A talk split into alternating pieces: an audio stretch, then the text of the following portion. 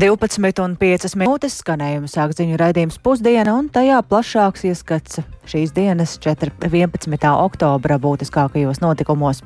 Studijā Dāca Pēkšēna, esiet sveicināti! Un vispirms par to, ka arī šonakt vairākos simtos bērnu dārzi ir saņemti ēpasti ar terorismu draudiem. Policija jau laikus paziņoja, ka draudu līmenis ir zems un mācības var turpināties. Tieši šādi secinājumi policijā bija arī vakar, tomēr daļā skolu mācības tika pārtrauktas un notika skolēnu un darbinieku evakuācija. Un tas nozīmē arī to, ka daudziem vecākiem nācās pamest savu darbu, lai dotos pakaļ savām atvesēm.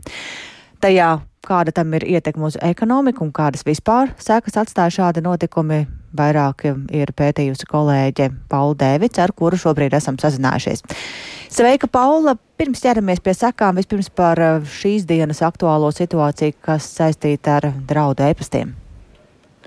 Jā, sveika, Dārci, labdien arī Latvijas radio klausītāji. Tātad arī aizvadītajā diennaktī ir saņemti šie draudu epasti un uh, lielākoties šoreiz tās ir pirmskolas izglītības iestādes un policijā ziņo, ka aptuveni kopumā 400 iestādēs saņemt epasti. Taču jau no agri rīta policija ir aicinājusi tos principā ignorēt un uh, mācību dienu nepārtraukt, uh, jo risks ir uh, ļoti zems. Un uh, arī policijā informē, ka sūtītājs ir tas pats, kas vakar. Un turklāt šis sūtītājs ir arī policijas redzeslokā jau iepriekš nonācis, jo aptuveni pirms gada arī līdzīgas vēstules izsūtīs vairākām organizācijām. Kā arī pēc policijas teiktā, tad mērķis, kā zināms, ir destabilizēt un radīt bailes, bet reāli draudz skolās šobrīd nav. Un vēl mūsu rīcībā ir informācija, ka policija ir arī slēgusi kādu telegramu grupu, kurā darbojās šie e-pasta sūtītāji, Šajā grupā esat bijuši pievienot arī daudz skolēnu un citi interesanti, un tur tiek izplatīts Latvijai tas ļoti naidīgs saturs, principā tāds, kādu mēs esam pieraduši redzēt arī tādās ekstrēmās Krievijas atbalstītāju grupās. Un uh, valsts drošības dienests un policija neizslēdz, ka šie draudi nāk no Latvijai nedraudzīgām valstīm, tātad varbūt arī no Krievijas. Taču pašlaik tāda apstiprinājuma vēl nav. Dace? Jā, tad par sekām kādu ietekmi šādas situācijas atstāja? Jā, nu kā jau minēju, tātad tas galvenais mērķis ir radīt drau, uh, bailes, taču tādu reālu draudu skolās nav. Tomēr tas nenozīmē, ka šādām, šādas rīcības nerada problēmas, uh, un pirmā redzamākā noteikti ir tā, ka cieši šis izglītības process ir izjaukt ierastā dienas kārtība un ir skolēniem, skolotājiem jādarbojas stresa apstākļos, un tas noteikti arī rada tādu zināmu spriedzi sabiedrībā, ja tīpaši arī vecākiem noteikti. Un papildus, protams, arī tas, ka ļoti aktīvi jādarbojas ar drošības dienestiem un uh, kam ir ne tikai uh, jākomunicē ar skolām, bet arī šie riski tā pēc būtības jāpārbauda un jābūt pārliecinātiem, ka tiešām nekāda drauda nav, kā arī vienlaicīgi jāizmeklē, no kurienes tad, uh, kur ir šī sakne šīm uh, notikumam, un līdz ar to tātad drošības dienesta arī ir papildus noslogot. Par to liecina arī to, ka uh, policijas tālrunis 110 šodien ir ļoti, ļoti noslogots no zvaniem par draudu epastiem. Un jā, tātad ir skaidrs, ka mērķis bija vairot baiļu sajūtu un destabilizēt valsts kancelējā, kancelējā skaidro, ka kopumā uh, sabiedrībā esam tikuši galā diezgan labi, neradot lielu haosu un tādu plašu paniku.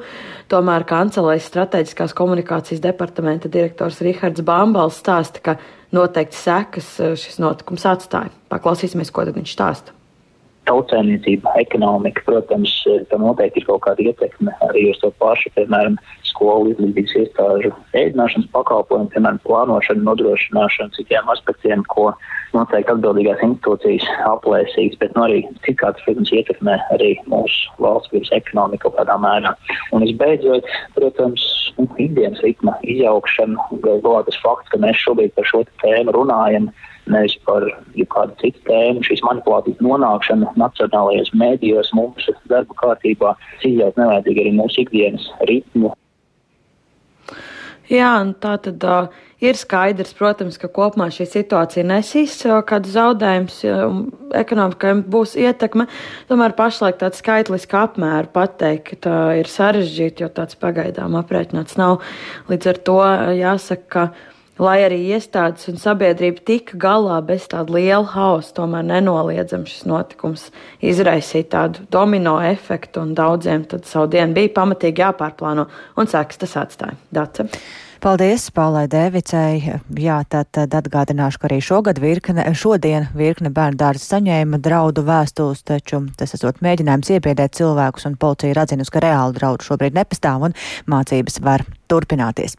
Mēs turpinām ar citiem notikumiem. Savās programmās jau vairāk kārt esam runājuši par Salacgrīvas tiltu, kurš ir tik sliktā stāvoklī, ka šobrīd daļai pār to satiksmi ir slēgta, un tāpēc tā vietā ir iecerēts būvēt jaunu tiltu. Tilta izmaksas ir lēstas ap 15 miljoniem eiro.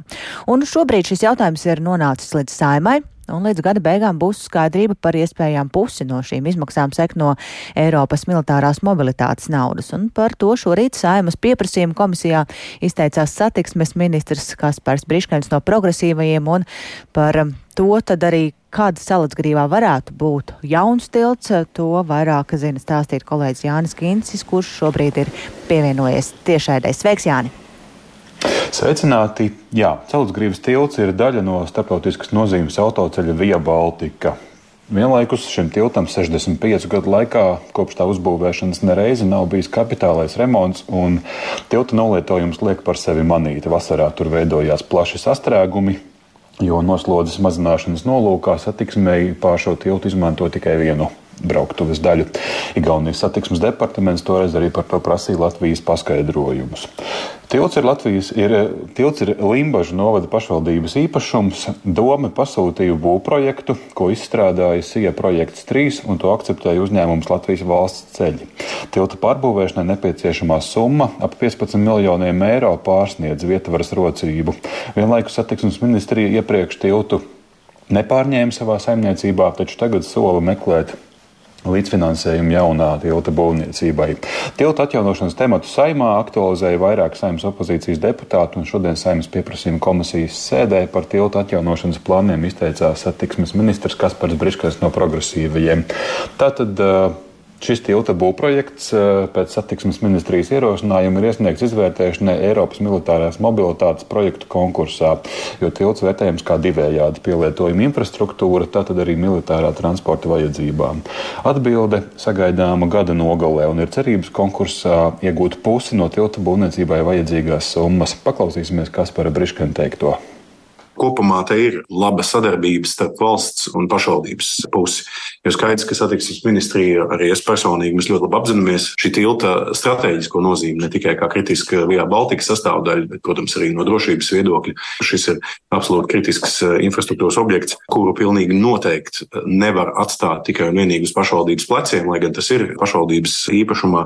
Atbilstoši šim konkrētajam projektam, esošo tiltu ir paredzēts pilnībā nojaukt un būvēt jaunu. Protams, ka tilta būvniecības laikā paredzēts organizēt satiksmi uz pagaidu tilta blakus tiltam.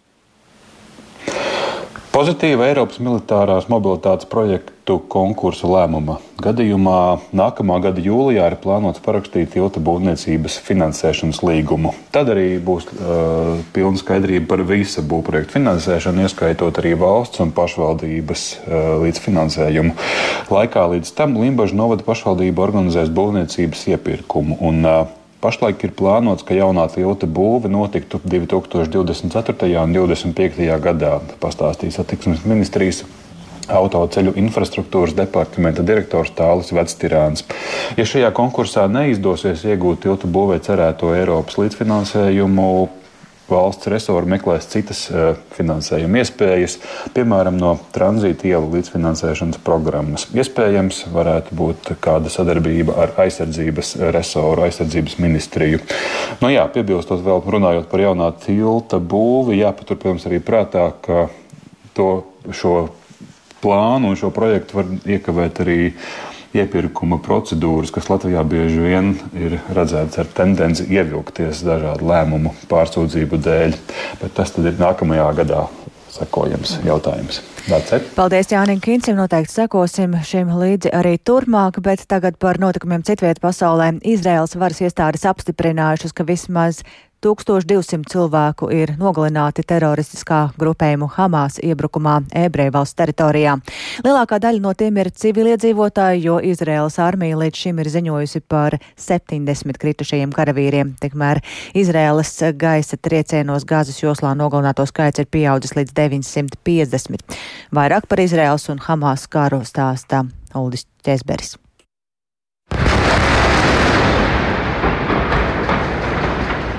Izraela turpināja aviācijas un raķešu uzbrukumus Gazas joslā, atbildot uz Hamas sestdien sarīkoto asiņaino uzbrukumu Izrēlā. Šonakt ir veikti triecieni pa aptuveni 200 objektiem Gazā, bet aizvadītajā diennaktī ir uzbrukts kopumā 450 mērķiem. Izraēlas gaisa spēki apgalvo, ka tie ir īstenojuši sekmīgus triecienus pēkām, kurās esot dzīvojuši Hamas militārā spārna komandiera Mohameda Deifa tuvinieki. Šajos uzbrukumos esot nogalināts Deifa brālis, brāļa dēls un brāļa mazmeita. Palestīniešu amatpersonas ziņo, ka šonakt Izraēlas aviācijas uzbrukumos Gazas joslā ir nogalināti vismaz 30 cilvēki. ANO lēš, ka Izraēlas triecienu rezultātā bez mājām ir palikuši vairāk nekā 263 tūkstoši Gazas joslas iedzīvotāju. Tas esot lielākais pārvietoto personu skaits Gazas joslā kopš 2014. gadā notikušajām cīņām starp Hamas un Izrēlu. ANO apgalvo, ka Izraēlas triecienos ir iznīcināti vairāk nekā tūkstotis mājokļu un esot arvien sarežģītāk apmierināt Gazas joslas iedzīvotāju pamatvajadzības. ASV prezidents Džo Baidens telefonu sarunā ar Izraēlas premjerministru Benjaminu Netanjahu aicināja Izraēlu darīt visu, lai izvairītos no civiliedzīvotāju upuriem Gazas joslā. Tikmēr ASV sadarbībā ar Ēģipti veido humanitāro koridoru, lai no Gazas joslas varētu evakuēt tūkstošiem civiliedzīvotāju un arī vairākus simtus ASV pilsoņu. Hamas no Gazas joslas turpina apšaudīt ar raķetēm Izraēlas teritoriju. Vairākas raķetes šodien trāpīja ēkām Zderotas pilsētā Izraēlas dienvidos. Viens cilvēks guvis vieglus ievainojumus. Izraēlas armijas runas vīrs Jonatans Konrīkus šorīt paziņoja, ka Izraēla ir atguvusi pilnīgu kontroli pār savu dienvidu robežu, esot pilnībā atjaunoti robežsienas posmi, caur kuriem Hamas teroristi iekļuva Izraēlas teritorijā, bet robežas tūmā ir izvietots ievērojams daudzums karavīru.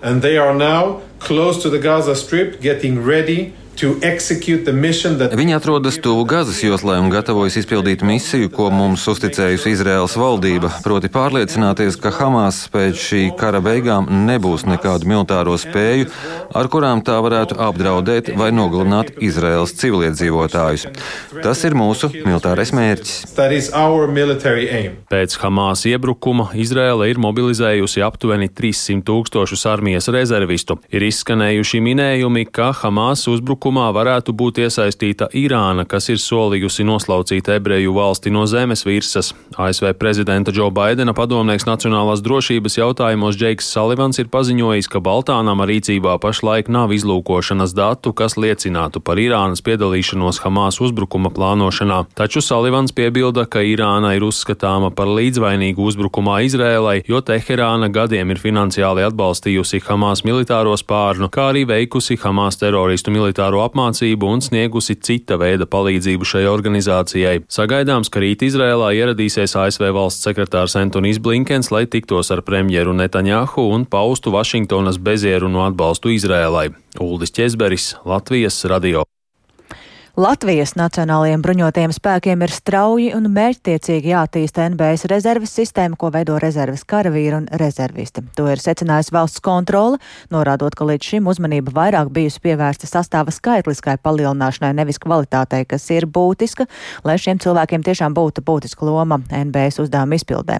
Un to, ka rezerves sistēmai ir ļoti liela nozīme, šorīt raidījumā labrīt kolēģiem Elīnai Baltskarei un Kristapam Feldmanim uzsvēra arī valsts kontrolas padomas locekli locekle Kristīna Jaunzeme. Paklausīsimies sarunas fragmentu.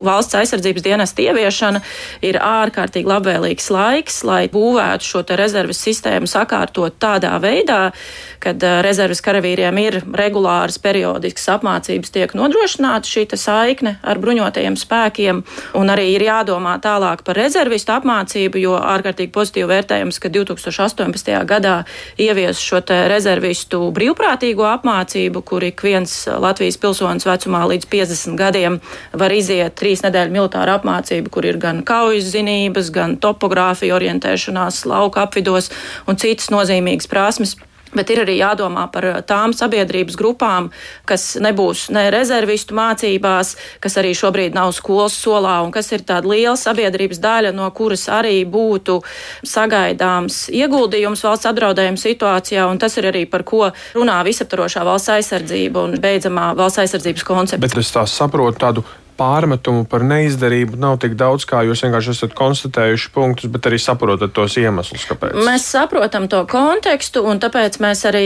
revīzijā ļoti daudz skatījāmies ārvalstu pieredzi, Lielbritānija, Kanāda, citas valstis, kā mērķiecīgi attīstīt rezerves sistēmu. Varbūt varat uh, minēt piemērus, ko mēs varam pārņemt. Jā, dialogu ar sabiedrību, piemēram, Lielbritānijā viena no rezerves kategorijām ir sponsorētā rezerve, kur, ja es esmu rezervists, tad uh, darba devējs man turpina maksāt algu, bet kaut kādas dienas nedēļā vai mēnesī vai noteiktā periodā es piedalos Nacionālo bruņoto spēku uzdevumu izpildē. Tie var būt civili darbi, IT lietas, medicīna, tas var būt arī militārās lietas.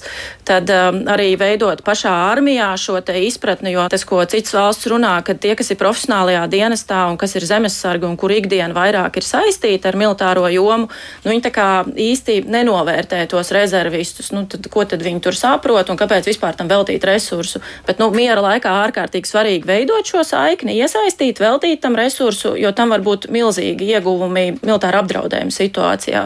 Nu, jā, tad mēs skatāmies uz apmācībām, uz uzskaitas lietām, kā uzskaitu var digitalizēt maksimāli mūsdienīgu, izveidot tādā veidā, lai x stundā, ja mums ir mobilizācija un mums ir jāiesauc, lai tie dati būtu tādi, nu, ka tas ir sekundžu jautājums, ka mēs varam iesaukt.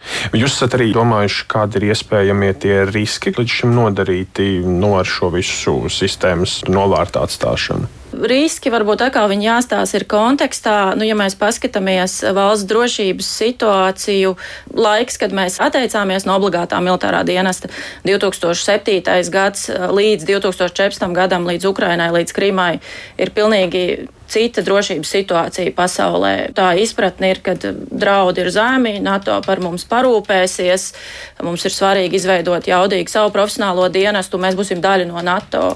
Un pēc Krīmas, pēc Ukrainas mēs jau runājam par teritoriālu aizsardzību, ka mums pašiem ir jāaizsargā savu valsts un NATO nāks mums palīgā. Tālāk valsts kontroles padomas locekla Kristīna Jaunzema. Savukārt Nacionālo bruņoto spēku komandieris ģenerālleitnants Leonīts Kalniņš šorīt Latvijas radio revidentu izteikums vērtēja kā palīgu darbā, lai būtu vieglāk runāt arī ar sabiedrību un politisko vadību par bruņoto spēku spēju attīstīšanu. Un vēl viens būtisks aspekts šajā jomā ir arī militārā medicīna. To šoruden topošie ārsti sāks apgūt Rīgas Stradiņa universitātē. Baltijas valstīs tas būs pirmais tāds kurs, kurā studenti apgūs dažādus ievainojumu veidus, kurus nevar iegūt ikdienas dzīvē. Tā šodien atklājot kursu norādīja universitātes rektors. Un tas nozīmēs, ka pēc universitātes absolvēšanas topošiem mediķiem būs unikālas zināšanas. Un vairāk par to visu ir gatavs stāstīt kolēģis Viktors Demīdovs, ar kuru šobrīd esam sazinājušies. Sveiks, Viktor, un vispirms tad par to, kā atšķiras kara medicīna no civilās. Jā, sveiki, Dārts! Sveicināti Latvijas radio klausītāji! Tagad atrodos Rīgas Stradiņu Universitātes medicīnas izglītības tehnoloģiju centrā, un šodien šeit atklāju jaunu studiju kursu, kura nosaukums ir Militārās medicīnas pamati. To šoreden integrēs medicīnas studentu 4. studiju gadā. Atgādināšu, ka topošie ārsti mācās kopumā sešus gadus. Un šo jauno kursu, ko apgūs divus semestrus, atvēra ņemot vērā Krievijas agresiju Ukrainā. Un jaunajā kursā apgūs dažādas militārās krīzes situācijas, dažādu ievainojumu veidus, ko var iegūt tikai kara laukā, nu, piemēram, tās ir šautas brūces, un tad vairāk par uh, to, ko tieši apgūst studējošie lūdzu. Noklausīsimies Rīgas Tradiņu universitātes rektora profesora Aigaru Petersonu gan kā diagnosticēt, gan kā evakuēt, gan kā ārstēt, gan kā pārvest, gan kā transportēt uz centralizētiem punktiem. Un ne tikai. Protams, arī teorētiskās zināšanas par dažādiem bruņojumu veidiem, jo zinām dažādi toksīni, mikrobioloģiskie piesārņojumi un tā tālāk, militāra konflikta gadījumā bioloģiskie ieroči. Ar vienu var sakot, viss jaunākais, kas šobrīd ir šajā militārajā zinātnē, tiks dots mūsu nākamajiem ārstiem. Bet, protams, mums stāv priekšā arī jau speciālistu, esošo speciālistu sagatavošana, jo mēs arī rezidentūras laikā šādu programmu veidojam. Jā, un jaunais studiju kurs palīdzēs arī jaunajiem bruņotajiem spēkiem, kuriem gan ir savs medicīnas centrs. Tagad ir tā, ja medicīnas studējošais vēlas kļūt par kara mediķi, tad viņam pēc universitātes absolvēšanas ir jādodas uz rekrutēšanas centru vai zemesardzi, un tad bruņotie spēki viņus apmāca par karavīriem. Atklāj, eh, bet savukārt atklājot jauno kursu, eh, jaunajiem speciālistiem būs sagatavota augsne, un tā saka Nacionālo bruņoto spēku pulkoža leitnants Normons Vaivots. Jo, ja viņš nav saistīts ar bruņotiem spēkiem nekādā veidā, tad viņam atliek tikai dzirdēt mītus, cerēt kaut kādu maģisku ārstniecību kara laikā. Jā.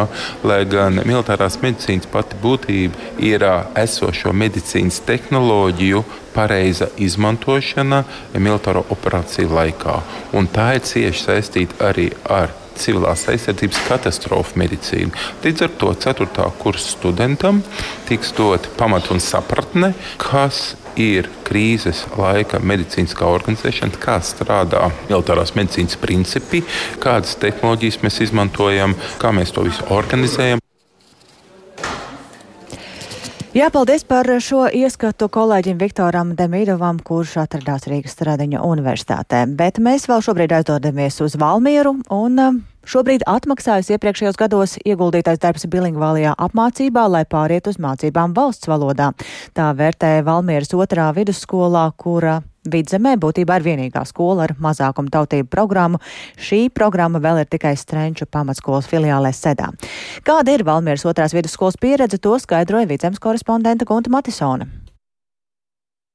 Pēdējo gadu laikā skola, protams, ir ļoti stipri mainījusies. Šīs stereotips, ka Valmīras otrā vidusskola ir Krievu skola, Mēs jau sen neesam Krievijas skola. Sākot sarunu par pārēju uz mācībām valsts valodā, Valmīras otrās vidusskolas direktors Andrēs Gluhaus uzsver, galvenais, ko gribam, laust priekšstatu, kas par skolu ir iesakņojies pilsētā. Mēs kā skola esam sapratuši, kādas tendences ir Valmierā un Valmīras nodā ka šeit šie dabiskās asimilācijas procesi notiek stipri straujāk. Un līdz ar to arī plānojot skolas nākotni, mēs esam sapratuši, ka mums, kā skola, ir diezgan stipri jāmainās.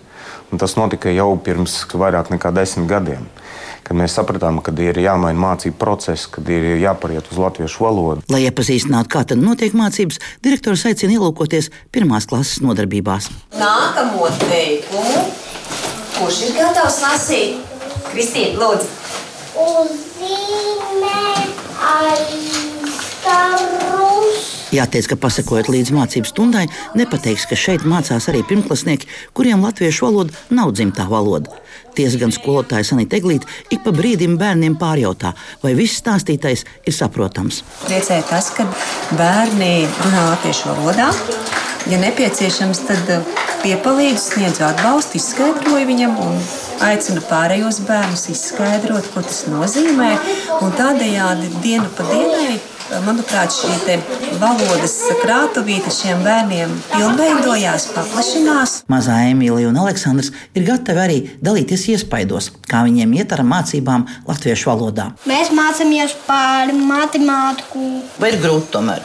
Nē, labi, viss normāli. Labi. Man grūti nav. Ar klases biedriem jūs runājaties kādā valodā? Latviešu valodā. Skolā vidusskolas posmā mācības jau kādu laiku ir tikai latviešu. Pamatskolā ir arī latviešu klases, bet ir arī mazākuma tautību programma. Un, lai arī skolā salīdzinoši ar Rīgas vai Latvijas skolām pārēj apmācībām valsts valodā norit daudz raitāk un mierīgāk, direktors Andrēs Gluhovs atzīst, ka ne jau viss ir tik rožaini. Vai kāds runā par to, vai latviešu skolotāji ir metodiski izglītoti, kā strādāt ar bērniem, kam ir mazākumtautība dzimtā valoda. Kopš uh, reformas sākuma jau 4. gadsimta. Bet mēs vēl joprojām runājam par materiālu trūkumu. Gunta Matisona Latvijas Rādio vidzemē.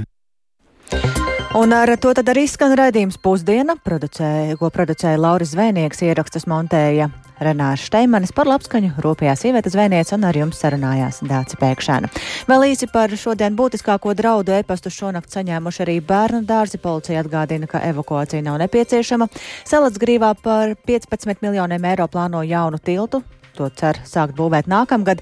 Izraela pastiprina gaisa triecienus Gazas joslā un topošie ārsti Rīgas Stradiņa universitātē šoruden sāks apgūt militāro medicīnas kursu. Uz tikšanos atkal rīt!